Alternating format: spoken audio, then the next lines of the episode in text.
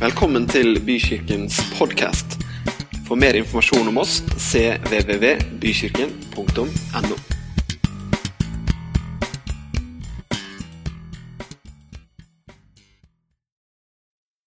Er du klar for 30 minutter og aldri får igjen? Å, kjære folk.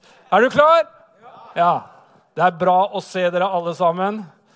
Det er alltid sånn når du skal snakke hjemme, at du noen ganger må heve stemmen, og noen ganger må du senke stemmen. Og her kan jeg jo heve stemmen litt innimellom, og skal jeg senke. Jeg har gleda meg til å være sammen med dere og grua meg veldig.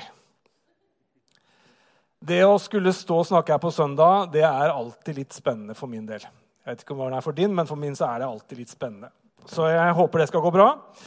Eh, jeg lurer på om jeg kunne få første bilde. Jeg tenkte at jeg kunne ta det som står i den bordkalenderen for i dag. Er ikke det greit? Da har vi et tema. Nei, vi skal ikke det, altså. Vi skal ikke det. Dette er en navnbror av meg. Han, han eh, ble ringt etter eh, en søndag formiddag klokka halv elleve. Og så sier han, 'Hvor er du, Einar?' 'Jeg er hjemme', sa han. 'Er du hjemme?' Du skal jo preke her i, kveld, her i formiddag. Om en halvtime så begynner gudstjenesten.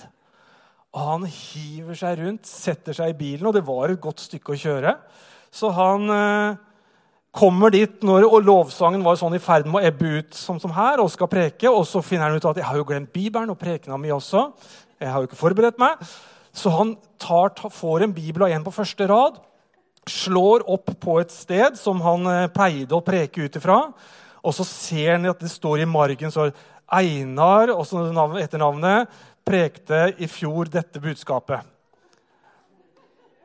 Og han bare kjente Oi, oi, oi, hva gjør jeg nå?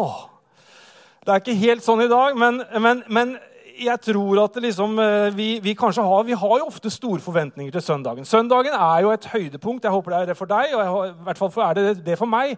Det å komme hit hver søndag, det er fantastisk å være. Jeg stortrives å komme i kirke. Jeg får lov til å treffe så mye bra folk, så mye venner. Får lov til å, får lov til å kjenne Guds nærvær og kjenne at han snakker til meg. Og jeg får lov til å lovsynge sist, men ikke minst. Det er helt fantastisk. Det er så godt å kunne få lov til å lovsynge, er det ikke det? Og, og jeg må si det at eh, det å være her en søndag, det er et privilegium. I dag så hadde jeg tenkt egentlig ikke å snakke om søndager. Jeg hadde tenkt å snakke om hverdagsliv og Gud. Er det mulig å kombinere? Har vi plass til Gud i hverdagen vår? Er det er, er, hva, hva, er hverdag? Hva, hva, er egentlig hverdag? Hva tenker du? Jeg må ta på meg brillene for å kunne lese. Hverdag det er ikke søndag eller helligdag. Er vi enige om det? Og hverdag, det er noe som vi har flest av. Er du enig med meg i det? Hvis du tar neste Altså, kalenderen, den starter Jeg har satt start på søndag i dag. At det er liksom begynnelsen på uka. Ofte så tenker vi at søndag det er liksom siste dag i uka. Vi er litt sånn rigga, er vi ikke det? Men, men, kunne vi sagt at søndag var starten på uka, så hadde det liksom kanskje vært annerledes. Ikke, ikke den der landinga ned for liksom, å, endelig søndag, nå skal jeg... Men kanskje det kan være starten på uka. Hvis du tar neste, så, så, så er jo fakta er, Alle vet at det er 365 dager i året. Ja, alle vet at vi, liksom har, vi som jobber, har vanligvis 25 feriedager. Så er det 104 lørdager og søndager. 226 arbeidsdager. Og du tenker at det, Vi syns egentlig har flest av dem, men vi har jo egentlig det. 1695 arbeidstimer i et normalt år. Nå så jeg forrige dagen at det, det er faktisk i snitt i Norge Vet du hva snitt i Norge er? 1470 timer er snitt i Norge. Hvis du reiser til eh, et land lenger øst, eh, langt øst, hvor eh, man snakker og spiser annerledes mat, så kan du plusse på kanskje 700 timer arbeidstid. Så vi har 8700 timer sånn røftlig til disposisjon. Det er ganske mye.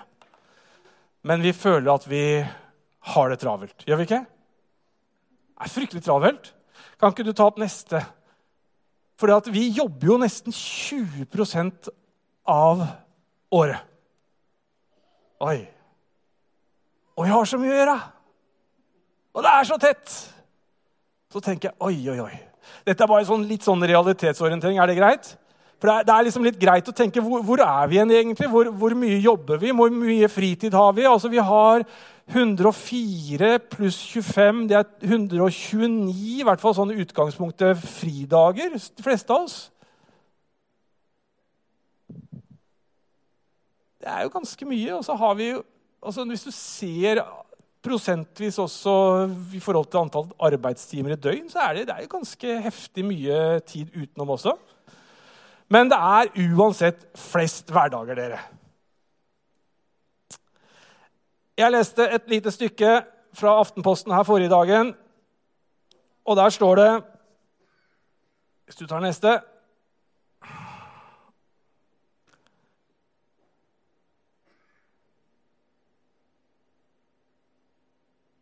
Det er et prestasjonsjag som stjeler all lykken vår. Og vi sier at skal vi skylde på olja, alle gullmedaljene i disse skitider, Internett, iPhone, Mark Zuckerberg eller bekreftelsessyke influensere?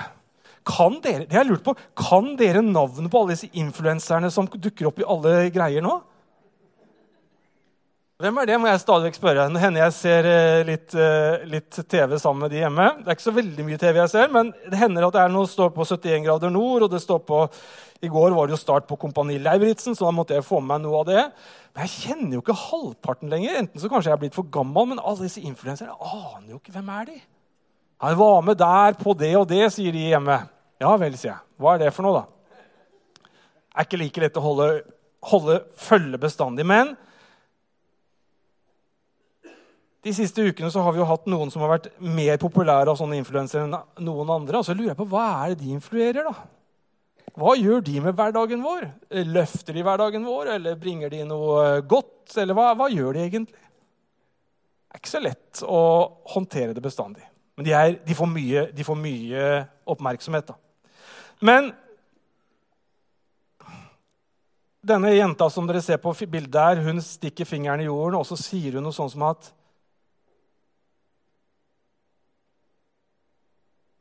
Rikest, råest, penest, flinkest, flest følgere. Og det er ofte liksom, Han har så mange følgere. Mest evnerike barn. Tidsånden er eksellent, og drivstoffet er likes. Det er det hverdagen vår preges av. Det er det vi er opptatt av. Mange. Men kan vi stikke fingeren i jorda? Hender det at du gjør det? Det er i ferd med kanskje den blir litt slark i den karusellen. Det er kanskje litt i ferd med å si at ja, men er det faktisk sånn? Er dette livet? Jeg har hatt noen ganske solide runder de siste månedene med meg sjøl på er det, er det, er dette liksom det som er greia? Bare jobbe litt mer, yte litt, litt ekstra nå, så blir det bra. Bare få til enda mer perfeksjonisme, så blir livet veldig godt. Jeg vet ikke. Jeg tror kanskje ikke det. Er arbeidet det som driver oss, og som på en måte er dere som går på skole, liksom er den karakteren, om du får en firer, femmer, eller sekser eller toer, er det det som avgjør for hvem vi er? Hva vi har? Hvem vi er i Jesus? Hvem vi er i Gud? Det, det, det bekymrer meg litt. Og På kontoret hos meg så sier jeg vi er dårlige eksempler, vi som er ledere. For vi jobber jo enda mer enn mange av de andre. Liksom. For vi, vi, vi, vi, som er daglige ledere, vi har jo ikke arbeidstid. Det er liksom dekknavnet, eller Det er, det er greia vår. da. Vi har jo ikke arbeidstid. Men du all verden hvor mye arbeid det blir. altså. Vi burde jo vært flinke så det ble mindre arbeid. Jeg prata med en her om dagen. Han sier ja, nei, jeg setter meg ned med Bibelen og Guds ord. Når barna er gått ut av døra i åttetida, så setter jeg meg ned og så nyter jeg en soloppgang. For han hadde stua si mot, vest, nei, mot øst. Og nyter Bibelen og Guds ord og litt godt varm drikke på morgenen. Det er jo ikke realiteten for mange av oss. De må opp tidlig om morgenen, og du speeder inn til Oslo, og du har full dag med full kalender og lurer på hva, hva er greia, liksom. Men, men jeg tror det er kanskje på tide at vi stopper litt opp og har tid og ro til å kunne gå med Gud. Så jeg har på jobben min også har jeg innført rytme på kontoret. For det var møter, møter, møter. møter. Noen jeg møter, de har Hun hadde jeg, jeg møtte her eh, for en liten stund siden. Hun hadde møter 36 av 37,5 timer i uka. Så spurte jeg når er det du gjør det som skal gjøres etter et møte. da? Nei, det måtte hun gjøre på kveldstid. Altså Dere, det fins noe mer enn bare å jobbe, selv om vi må jobbe. Men jeg tror det handler om litt hvilket bilde vi har av Gud. Hvilket syn vi har på oss sjøl. Anne-Kat. Vestli hun sier noe sånn som hvis ikke jeg husker feil, at det er neste slide. Hverdager er de flotteste. Hverdager er de beste. Hvis du tar neste også, så De er fulle av eventyr. Og jeg tenker at hver dag er fulle av hverdager og fulle av eventyr. Det er kanskje noe med at vi finnes en rikdom der. så jeg har, jeg har, for å være helt ærlig, måttet stoppe litt opp. Jeg fikk spørsmål om jeg kunne ta et, en fin, eh, fin, greie som sikkert hadde sett fin ut på CV-en her eh, litt før jul. Jeg sa nei takk. Ja, men du hadde passa fint til det. Nei takk. Eh, det er kanskje noe med å se på hvordan vi stabler det hele. For det er jo veldig gøy med ting som syns bra på CV-en eller syns bra i karakterboka, men det er kanskje noen ting vi må legge til side hvis vi skal få et bra liv. Og jeg ønsker meg jo et bra liv, gjør ikke du det? Ønsker du et bra liv? Er du fornøyd? Er du fornøyd med livet ditt?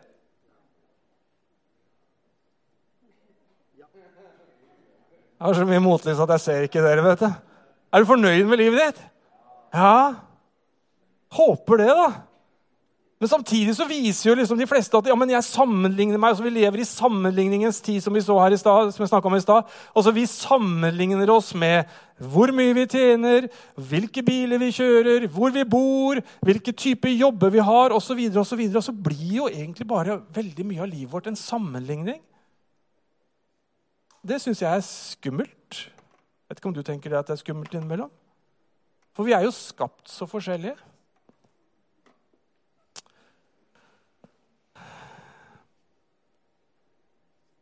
Jeg tror at hverdagen vår også styres mye av hvem vi tror, og hvem vi ser på Gud, hvem han er. Hvis du tar det. Og, og hvem er Gud for deg? Det er et svært spørsmål, det. Hvem er Gud for meg? Men er han, som en sa til meg på en life-gruppe for en stund siden Han hadde hatt en pappa som var mye ute og reiste i jobben. Så han sa at Gud for meg det er en jeg spør om når det er virkelig krise. Når det er virkelig krise, da spør jeg Gud. For ellers så har jeg vært vant til å lære, meg, lære, lære måtte ta vare på meg sjøl. Mammaen min hun hadde en pappa som var ute ti måneder av gangen på hvalfangst. Så du kunne liksom ikke spørre pappa om så veldig mye når han var nede i Syd-Georgia.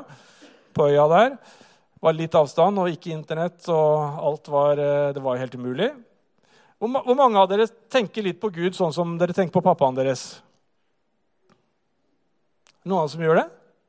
At farsbildet vårt har, seg, har også påvirka vårt bilde av Gud? Så har du hatt en pappa som ikke har vært så mye til stede, så har det kanskje vært sånn at ja, men Gud han bare hjelper meg akkurat nå, eller bare i visse perioder av året eller visse perioder av livet mitt. Jeg tror ikke Gud er sånn.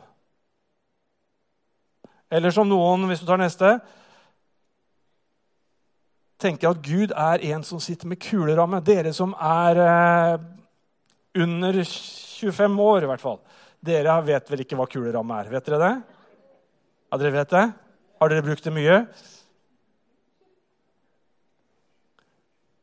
Jeg tror noen ganger at vi tenker at Gud er litt som, som sitter med en kuleramme, og så lurer han på nå, nå, det, nå ba han tre ganger den dagen, og så drar han de tre øverste til side. Se om han kommer opp i sju da, i dag. Nå har han lest så så mye.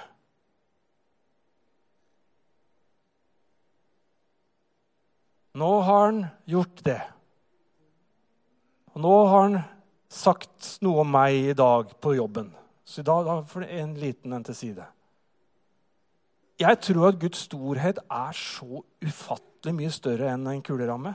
Hvis du tar neste, så tror jeg noen også tenker på Gud som en som svever der oppe og ser ned på oss.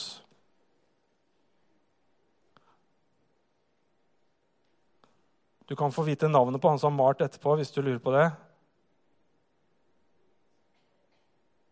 Det er en fra Venezia på 1500-tallet som malte det. Jeg skal ikke ta og prøve å uttale navnet engang. Men, men, men altså, det er litt sånn holdningen. Gud er der oppe, han ser ned på oss. Gud han ønsker jo å være noe annet i våre liv. Det er jeg ganske så sikker på. Fordi han gjorde det jo sånn at han sendte sin sønn Jesus Kristus for å komme ned og møte oss som mennesker. Og så ble han menneske for å møte oss. Og det er da jeg lurer på om vi i vår noen ganger streven etter å møte Gud prøver å bli Gud lik i egen kraft.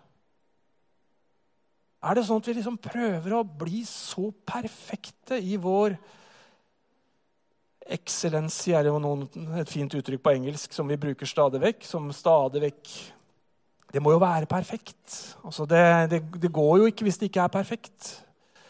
Og, og de, de, av dere som kjenner meg, de vet at ja, Einar liker å ha det ordentlig. Liksom, og det skal være perfekt. Og jeg jobber mye med det, altså. Åh, Det er vondt innimellom at alt ikke skal være sånn helt lina. og jeg, jeg, jeg, er jo der, Hvis det ligger noe skeivt, så får jeg jo vondt. Da, da, blir det jo, Hvis det ligger feil der i den hylla, så må jeg bort og rette på det. eller på kontoret hos meg så er, det jo, er det ti kontor på, altså, Veldig mange de har jo ikke fått ordna disse her, De har jo et sånt skrivebordsunderlag, og det ligger på skeive, og tastatur der og mus der, og skjermen litt i, i ikke-vater. og Jeg må jo bort og rette på det. Og nå øver jeg veldig om dagen på å liksom bare, la det, bare la det være. Eller når ikke pappeskene etter å ha tømt etter, etter uh, vi har vært av gårde, står fortsatt stabla opp. Og jeg liksom Å, hvor lenge skal de stå? Forrige gang så sto de i hvert fall tre dager før jeg tok dem. Altså, vi, vi, vi, vi, må jo bare være ærlige på at vi er forskjellige som mennesker. Vi er jo det. Vi ønsker jo at det, liksom, det skal være ordentlig. Men hvis den ordentligheten tar bort muligheten vår, vår, til å kunne ha et fellesskap med Gud, så er vi egentlig på synkende grunn.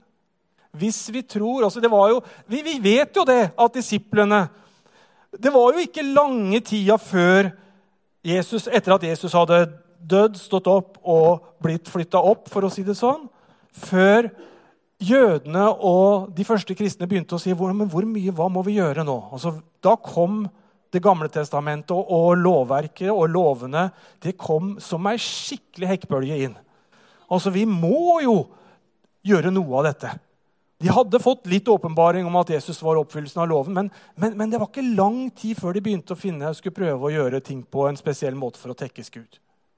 Og sånn har det vært i alle tider at vi mennesker vi, vi har noe innebygd. Vi prøver å tekkes både Gud og hverandre på en god måte.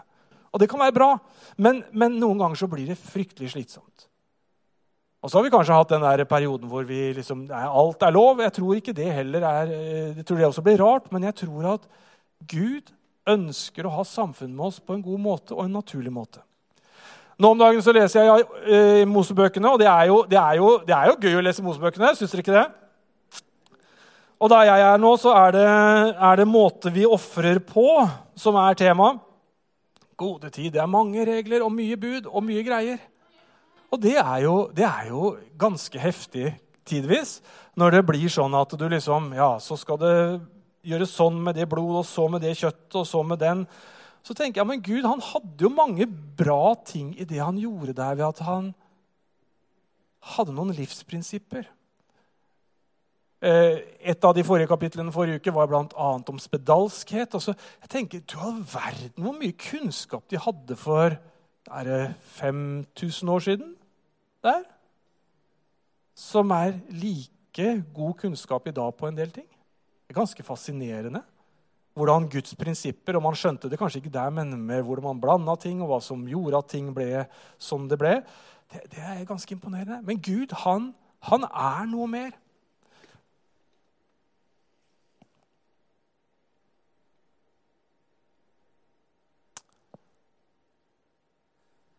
Gud er den ytterste virkelighet for mange av oss. Gud han er på samme måte som universet eksisterer, så er Gud på samme måte noe av det der som bare ligger i hele hva skal vi si, livet. Han gjennomsyrer alt på en god måte. Og Så sier noen at ja, men vi kan jo ikke bevise Gud. Nei, det er jo ikke så lett. Men det er ikke så lett å bevise universet heller. Annet enn at vi vet at det er der. Så det er ikke så langt utafor vi kommer før det blir ganske ufattelig, det hele.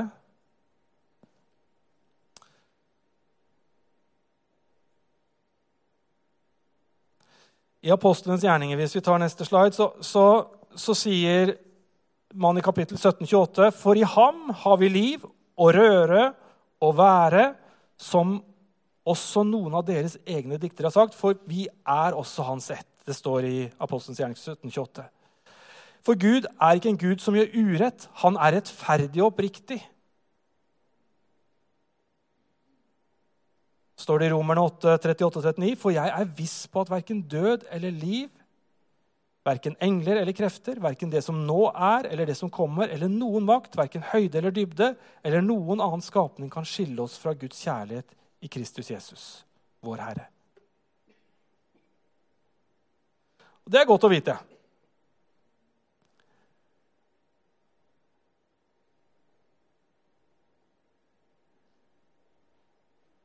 I Guds øyne så er vi ganske små. Vi er som et sennepsfrø. Og et frø er jo ganske spesielt, er det ikke det? I et av de frøa der så er det liv til et helt tre.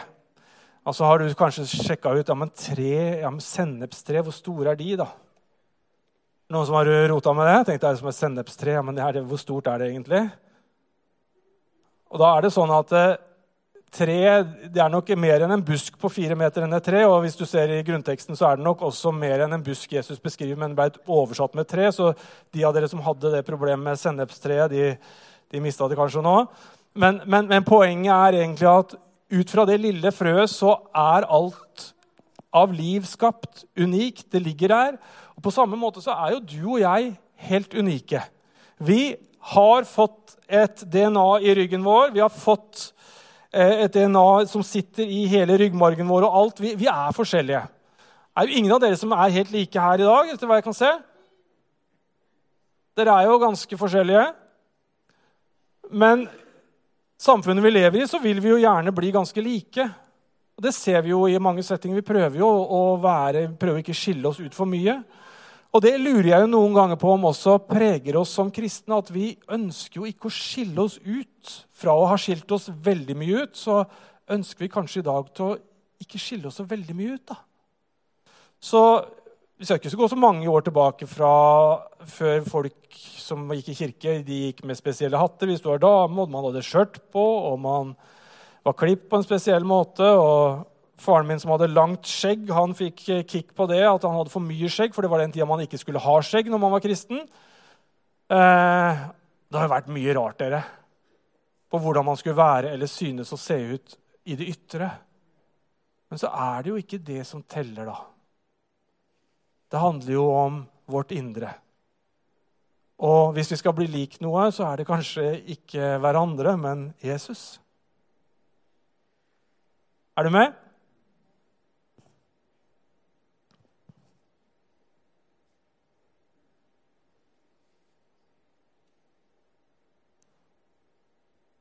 Jeg tror jeg må speede litt på, for klokka går fort. Kan vi ta neste?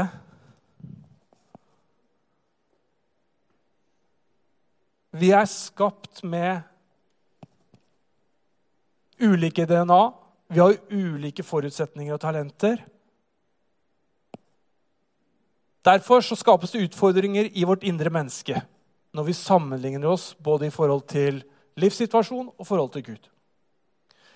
For noen ganger så er det jo sånn, Og det har vi levd mye i kristen sammenheng. Vi sammenligner oss, og så streber vi etter å bli som noen av de stjernene vi har av predikanter eller ledere eller eh, folk som er flinke til å spille eller synge. Altså, vi har alle våre forbilder.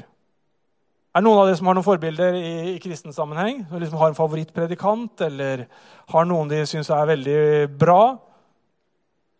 Men du kan jo aldri bli han eller henne.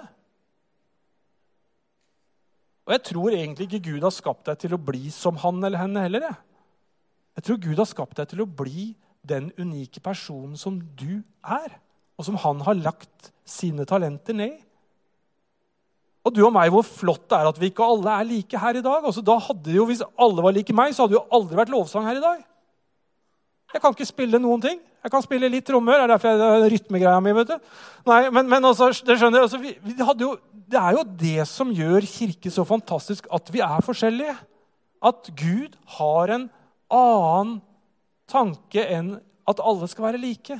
Det han snakker om, det er å bli lik Jesus i forhold til den ånd som Jesus hadde. For den var raus, den var barmhjertig, den var nåderik. Det kan vi bli likt, men å bli lik hverandre nødvendigvis, det tror jeg ikke er det største som kan skje oss i verden.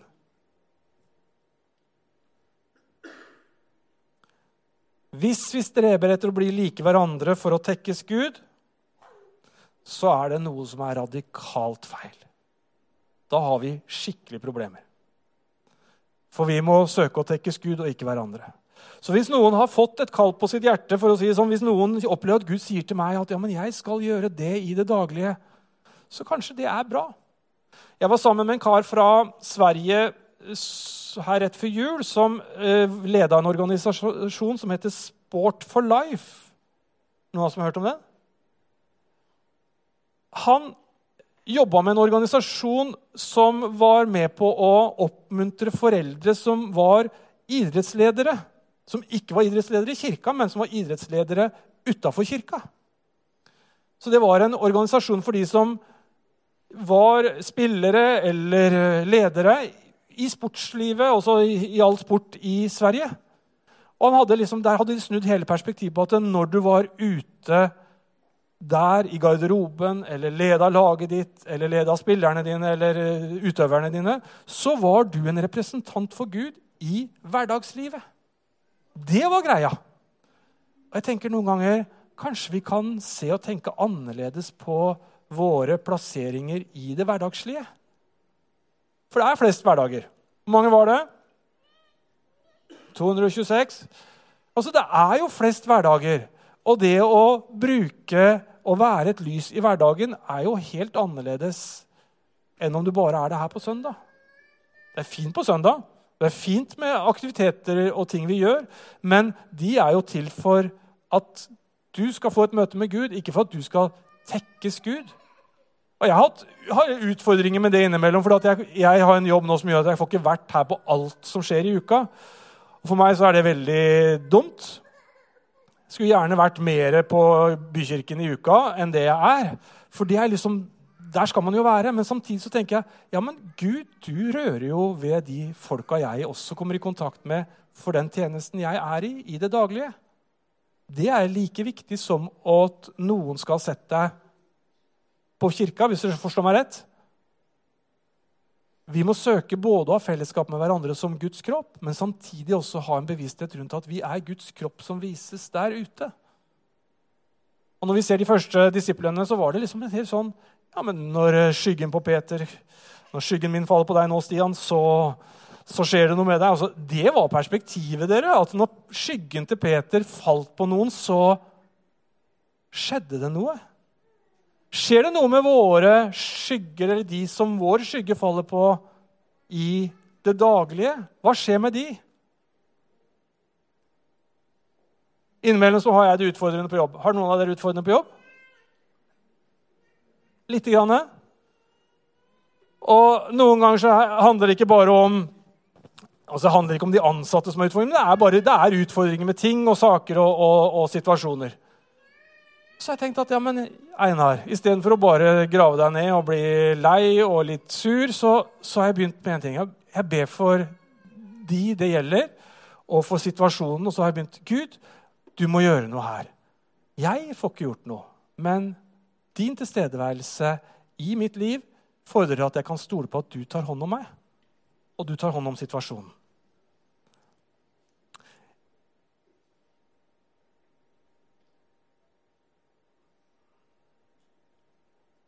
Jeg leser en bok om dagen. Magnus Malm. Veldig bra. Fri til å følge i verdens hjulspor. Nei, det står jo ikke det, da, hvis du tar neste, så Men, men dere, vi, litt, vi, har litt lett for å Vi er frie dere til å følge i verdens hjulspor. Altså, vi, vi karakteriserer friheten vår i, med definisjonen av det jordiske, hvis jeg kan si det på den måten. Vi, vi, definerer det ofte med at vi har godt med penger, og at vi kan reise hvor vi vil, og at uh, livet er bra, og vi kan gjøre absolutt hvordan vi ønsker og tenker. Det er friheten. Men det er en frihet i å være en kirke som følger Jesu fotspor. Jeg tror vi må omdefinere frihet i forhold til våre liv. Og dette er minst like mye til meg hva jeg er opptatt av, og hvordan jeg har tenkt gjennom en del sammenheng. Ofte så tenker vi så forretningsmessig og så eh, strukturelt inn mot det, men Guds natur er veldig veldig annerledes. Og Jeg ønsker å invitere deg inn til en litt annerledes hverdag med Gud mye større grad til stede i livet ditt i det daglige.